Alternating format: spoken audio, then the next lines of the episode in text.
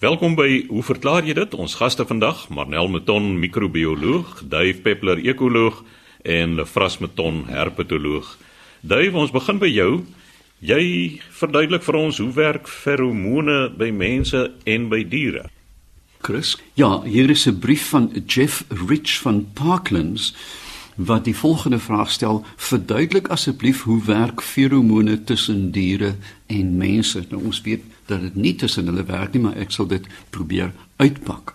Ek dink dan ook vandag veral met hierdie onderwerp moet ons die vrymoedigheid hê om oor wat baie mense sou beskou vir 'n sonoggend riskante seksuele aspekte van menslike gedrag te praat, maar ek hoop om dit beskaafd te stel.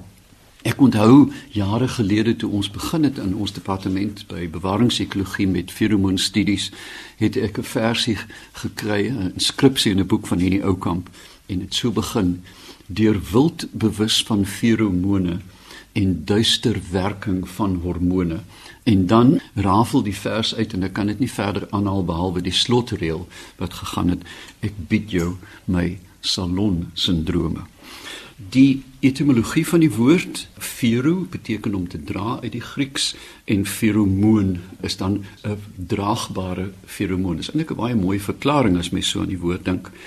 'n Feromoon by wyse van definisie is dan 'n uitgeskeide chemiese substans wat 'n sosiale reaksie uitlok by dieselfde spesies. Met ander woorde, die feromoon van 'n kat sal nie die gedrag van 'n hond beïnvloed nie. Dit mag hom dalk net attent maak op die teenwoordigheid van die kat. Daar is heel wat verskillende soorte feromone. Die bekendes is alarmferomone wat ons ken en daar is selfs aanduidings dat dit by die mens mag bestaan. Jy weet hierdie sokker tragedies waar honderde of duisende mense skielik net eenvoudig begin hardloop, kan dalk iets te maak hê met 'n reukafskeiding. Ons weet nog nie. Maar ons weet by insekte byvoorbeeld by die sogenaamde leafwilters die insekte wat die rose groeipunt sou eet dat as jy aan hom raak begin die antenna skielik wild waai en dan sal nabye van hierdie insekte ook opgewonde raak en van die plant afval. Daar is uiteraard 'n hele aantal seksferomone wat ons later by sal kom. En veral by die insekte is baie bekend. En my kollega Henk Geertsema het sy PhD gedoen juis oor hierdie feromoon interaksie by die dennepou oogmot. En ook bewys dat die mannetjies molekulêr selfs een molekuule van hierdie substans oor reuse afstande kan opvang met die antennae en dan volg en hierdie feromone by insekte is bekend as ektohormone, uitwendige hormone. Die funksie van feromone is natuurlik legio veral by primitiewe diere. Een van hulle is aggregasie om diere bymekaar te hou. Dit het baie te doen met paarseleksie, gasheeroorrompeling.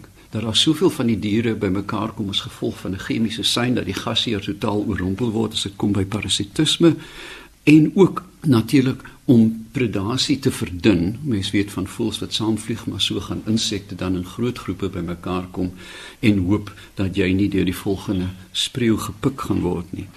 Nou by die plante is dit ook bekend dat feromone bestaan veral in groepe soos die akasias waar sodra 'n plant bewy word, 'n feromoon afgeskei word, naburige plante se tannienreaksie verhoog dan byna oombliklik. So daar is kommunikasie tussen plante, duidelik deesdae ook tussen die wortels veral die miselium van mycorrhiza wat op die plante groei. Dan is daar sogenaamde loslating feromone die releaser feromoon soos dit bekend staan wat eintlik net die gedrag van die ontvanger van die feromoon beïnvloed. Mense sien dit byvoorbeeld by pasgebore babas waar babas beslis aangetrokke is tot die reuk van die tepel by die ma. Hulle kan vir die eerste paar dae dit duidelik net met die neus opspoor. Met ander woorde, dit is 'n soort van 'n eenrigting feromoon en ook by baie ander diere om kleintjies te laat suip. Dan is daar synferomone, korttermyn feromone soos lordosis waar 'n mannetjie kat byvoorbeeld as die wyfie hom ruik en sy gereed is om te paar sal sy in 'n baie kenmerkende houding gaan staan. Mens sien dit ook by varke.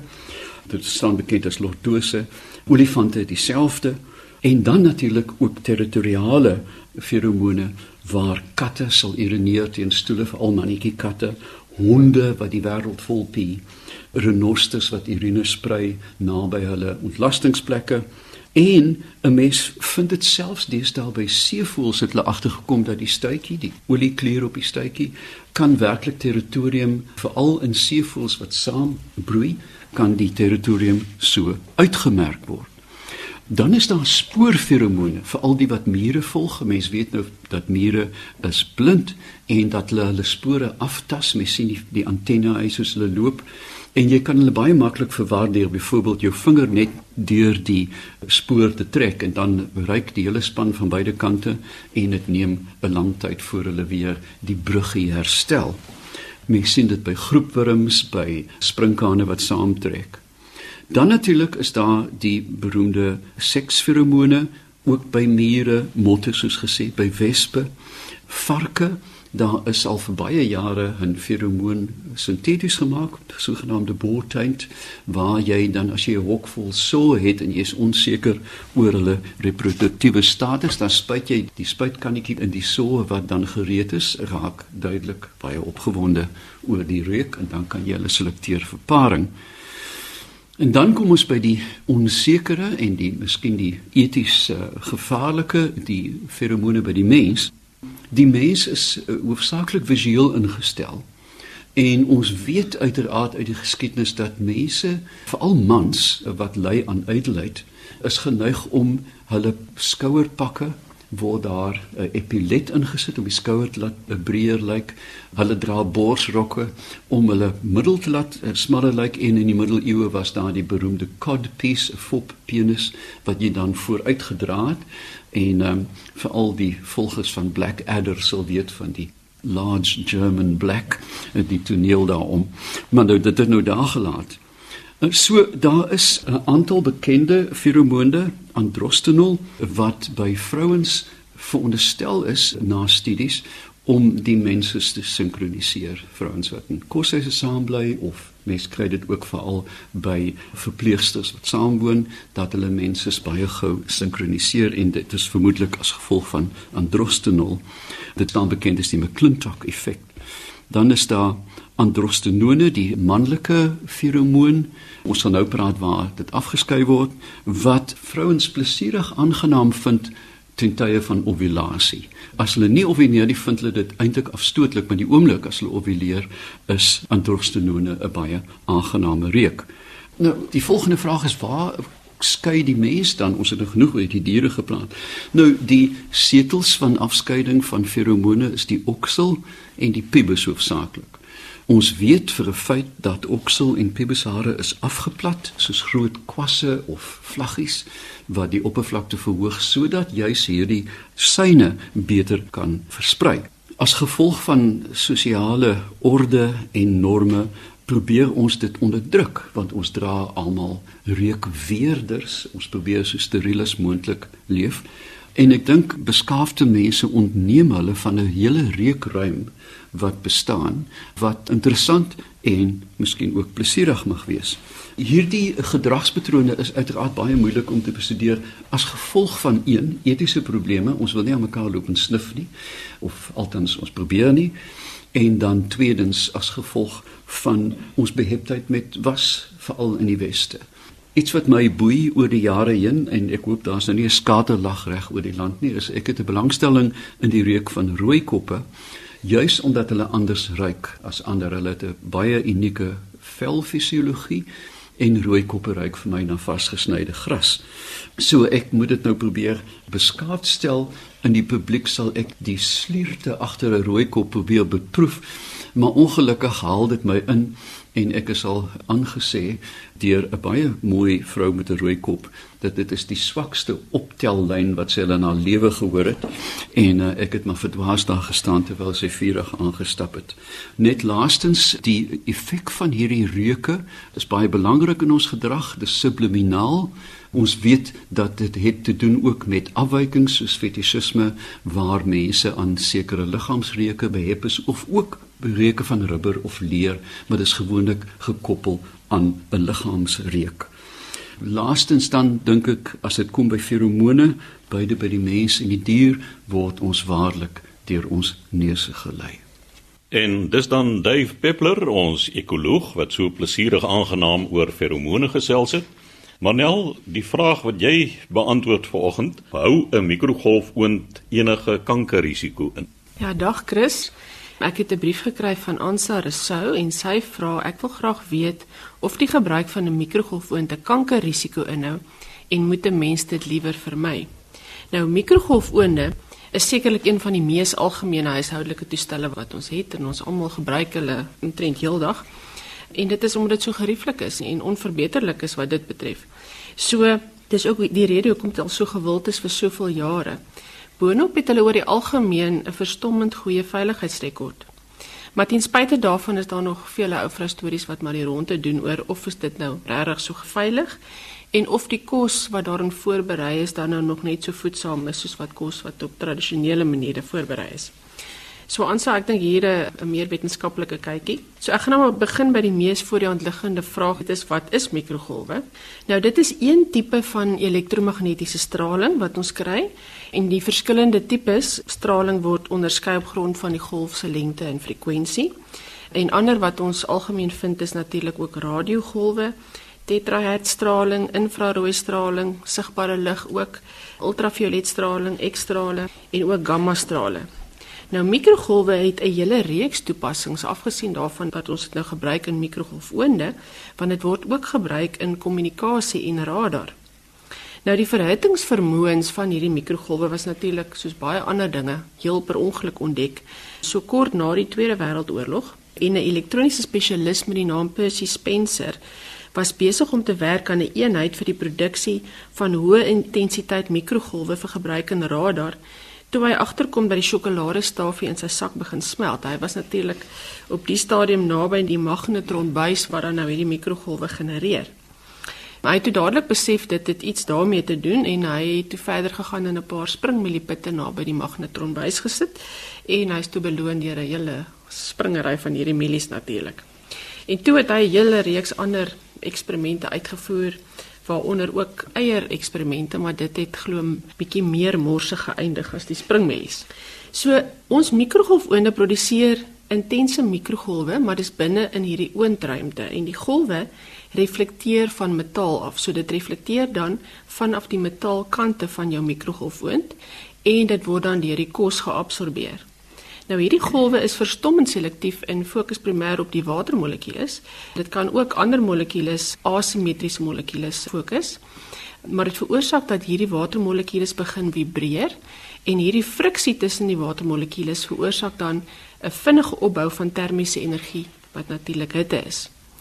So die tempo van verhitting sal daarom beïnvloed word deur die voginhoud van die voedsel, maar ook dan nou natuurlik soos ons weet die vorm en die volume en die gewig en so aan. En dis daarom dat ons dan soms oneweredige verhitting van hierdie kos in die mikrogolf kan kry.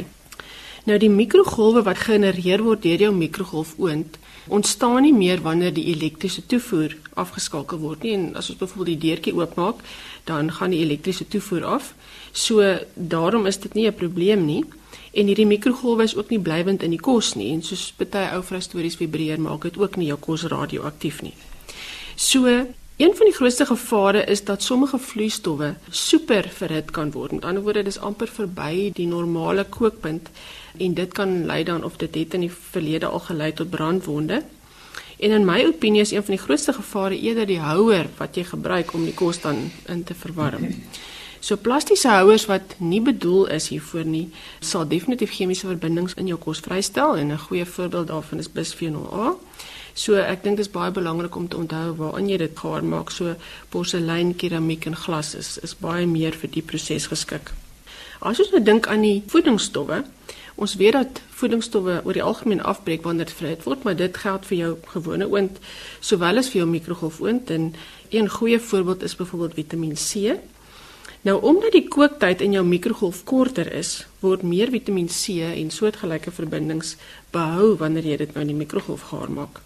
So wanneer ons na kookproses kyk, met ander woorde wanneer ons iets in water kook, gaan heelwat van die voedingsstowwe natuurlik verlore in die water.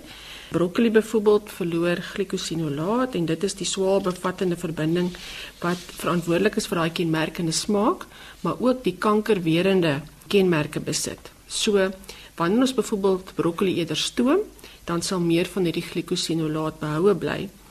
Dus as ons nou van gaarmaakmetodes oor die algemeen praat, is die beste een om voedingsstowwe te behou, die wat die voedsel verhit oor die kortste tydperk en ook die minste moontlike vog gebruik. Nou mikrogolwe is ideaal hiervoor want dit het baie min vog nodig en eintlik stoom dit dan nou die kos van die binnekant af gaar. So in vergelyking met ander gaarmaakmetodes is mikrogolfoonkoste is eintlik 'n goeie opsie. So uit 'n wetenskaplike oogpunt dink ek is 'n mikrogolfoond 'n wonderbare stukkie ingenieurswese en daarmee saam uiters gerieflik. En net om die kersie op die koek te sit, is dit ook dikwels die gesonder opsie as jy dit reg doen. Manel, dis nou jare gelede. Ek weet nie of dit net 'n wolla storie was nie, maar iemand het 'n klein kuitjie wat nou gewas het in die mikrogolf gesit om die kuitjie droog te maak. Wat sal die onmiddellike effek wees op 'n lewendige dier? Wel, ek kan net dink dat dit nie goed geëindig het nie, Lefras. om die waarheid te sê sou dit seker 'n rasende ontploffingkie veroorsaak het. Die interessante ding is dat baie mense het ook al gesê dat hulle mure en kleinerige insekte sien rondstap in die in die mikrogolfoond en daar's heelwat spekulasie ook. Hulle eindig nou nie so in so plofbare situasie nie. Oor wat hoekom hierdie insekte dit maak en daar's verskeie. Ek weet nie of een van julle beter rede het nie, maar dit is waarskynlik oor die oor die grootte van hierdie diertjie en dat die golwe dit nou nie so direk tref nie, maar die katjie, nee, nie 'n goeie idee nie. Marnel, ek het altyd glimlag met mense wat bekommerd is oor mikrogolfoone. As hulle die vaagste idee het van hoeveel golwing daar om hulle bestaan, televisie, radio, fone, infrarooi, afstandbeheer, ons lewe in 'n sop van bestraling waarvan die mikrogolf sekerlik die minste gevaarlik is. Dit was dan Marnel Meton, microbioloog wat gesels het oor die moontlike gevare van mikrogolfoonde wat blyk eerder voordele te wees. En laas staan die beurt vandag, Lefras Meton, herpetoloog. Lefras, jy gesels oor verkleermannetjies. Ja, Chris, ek het 'n hele tydjie gelede het ons oor verkleermannetjies gesels en as gevolg van daardie program het hier nou nog 'n navraag gekom. Dit is van Nico Redlinghuis van Port Elizabeth. Hy sê daar's twee verkleermannetjies wat hy nou baie daar in sy heining gesien het, maar nou nie meer nie en daar is 'n elektriese heining van sy buurman en hy wil nou weet het die elektriese heining 'n effek op verkleermannetjies. Het ook 'n foto saamgestuur van dan so een van die verkleermannetjies wat hy gereeld gesien het wat die linker voorpoot en die linker agterpoot is stompies. Ek kan sien dat hy die gedagte dat die elektriese heining hierdie verkleermannetjie dan nou geskok het. Ja, elektriese heininge is natuurlik alhoewel ons so mag dink dat dit nou 'n onlangse ding is, is dit al hier in die 1800s wêreldwyd al in gebruik gewees en natuurlik ook in die wêreldoorloë, die Eerste Wêreldoorlog, Tweede Wêreldoorlog, is daar ook grootskaals van elektriese heininge gebruik gemaak. En die meeste mense, stedelinge ken dit nou om inbrekers uit uh, eiendom uit te hou, maar natuurlik speel elektriese heininge ook 'n groot rol in die landbou om diere binne te hou en ook ongewenste diere uit te hou van plase af. En dit is waarskynlik in die landbou in die meer landelike omgewing wat die effek van elektriese heininge op diere nogals groot is. In 1910, daar was 'n student aan die Universiteit van die Witwaters Rand Andrew Beck het 'n heel interessante studie gedoen en 'n opname gemaak van watter diere word deur sulke elektriese heininge geaffekteer. En in die meeste gevalle of die meeste diere wat dan nou dood aangetref word is die elektriese draad wat aan die onderaan die basis van 'n heining gespan word om kruipende diere goed wat onder deur drade kruip te beperk. En dan is dit diere soos skilpaaie, slange, likkewane ook veral wat dan die onderspit delf. En skilpaaie dan spesifiek die bergskilpad omdat hy is 'n redelike groot skilpad maak die meeste van hierdie diere wat dood aangetref word uit. Wat gebeur met 'n skilpad is dat as hy nou daardie skok kry, dan trek hy sy voete in in sy dop en hy bly net daar sit en dan gewoonlik urineer hy ook nog en dan is daar sommer 'n lekker kortsluiting af grond toe. en dan sterf hy daar op die plek. Baie van die slange as hulle geskok word, dan krul hulle om die draad en dan kry jy natuurlik nou 'n hele reeks skokke en dan sal hy ook sterf. En daar's ook in Andrew Beck se teses verwys hy ook van verkleemannetjies wat dan ook doodgeskok word. Dit is baie min gevalle wat dit gevind is. Ek het dan ook 'n ander artikel afgekom op fotos van Dave. Jy kan sien Manel daar hang die verkleemmannetjies so stukke biltong aan die elektriese heining. So ek wil net daardeur sê ja, elektriese heininge kan gevaar inhou vir verkleemmannetjies, maar dan moet ek ook dadelik sê die kans is skraal want Gewoonlik is daardie drade is relatief dun en 'n verkleemannetjie, hoekom sal hy nou op 'n elektriese heining langs loop? Hulle is mos nou die meeste van die tyd in in plante. Ja, hulle loop op draad, maar ek dink die gapings tussen die gespanne draad is seker maklik 15 cm daar rond. Daai gapings is redelik groot. En dan verder ook hierdie drade moet nie aan plante groei raak nie. So daar sal dis ook al 'n redelike gaping wees. Dit sal moeilik vir hom wees om by daardie draad uit te kom. So ja, elektriese heininge kan 'n effek hê en dan in hierdie geval die twee stomppootjies. Ek dink dit het niks met die elektriese heining te doen nie. uh, Verkleemmannetjie wat geskok word, sal afval of hy sal net daar sy voete sal toemaak en hy sal daar hang aan die draad maar hy gaan nie 'n deel van sy ledemate gaan nie uitbrand of in vlamme opgaan nie.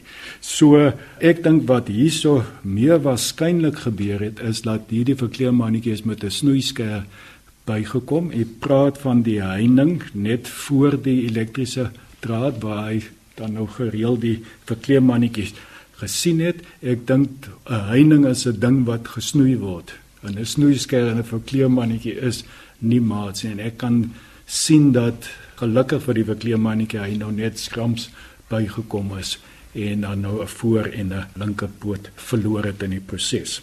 Om op te som dan, ek glo daar sal nog verkleemannetjies wees. Verkleemannetjies is maar 'n ding wat kom en gaan. As die jare goed is, kan daar baie wees en dan oor 'n tydperk dan verminder hulle weer. So hy moet nie dink hulle sommer net weg nie en ek dink nie die elektriese heining speel hier 'n groot rol nie. Chris, dan het ons ook nog 'n brief gekry van mevrou Potgieter.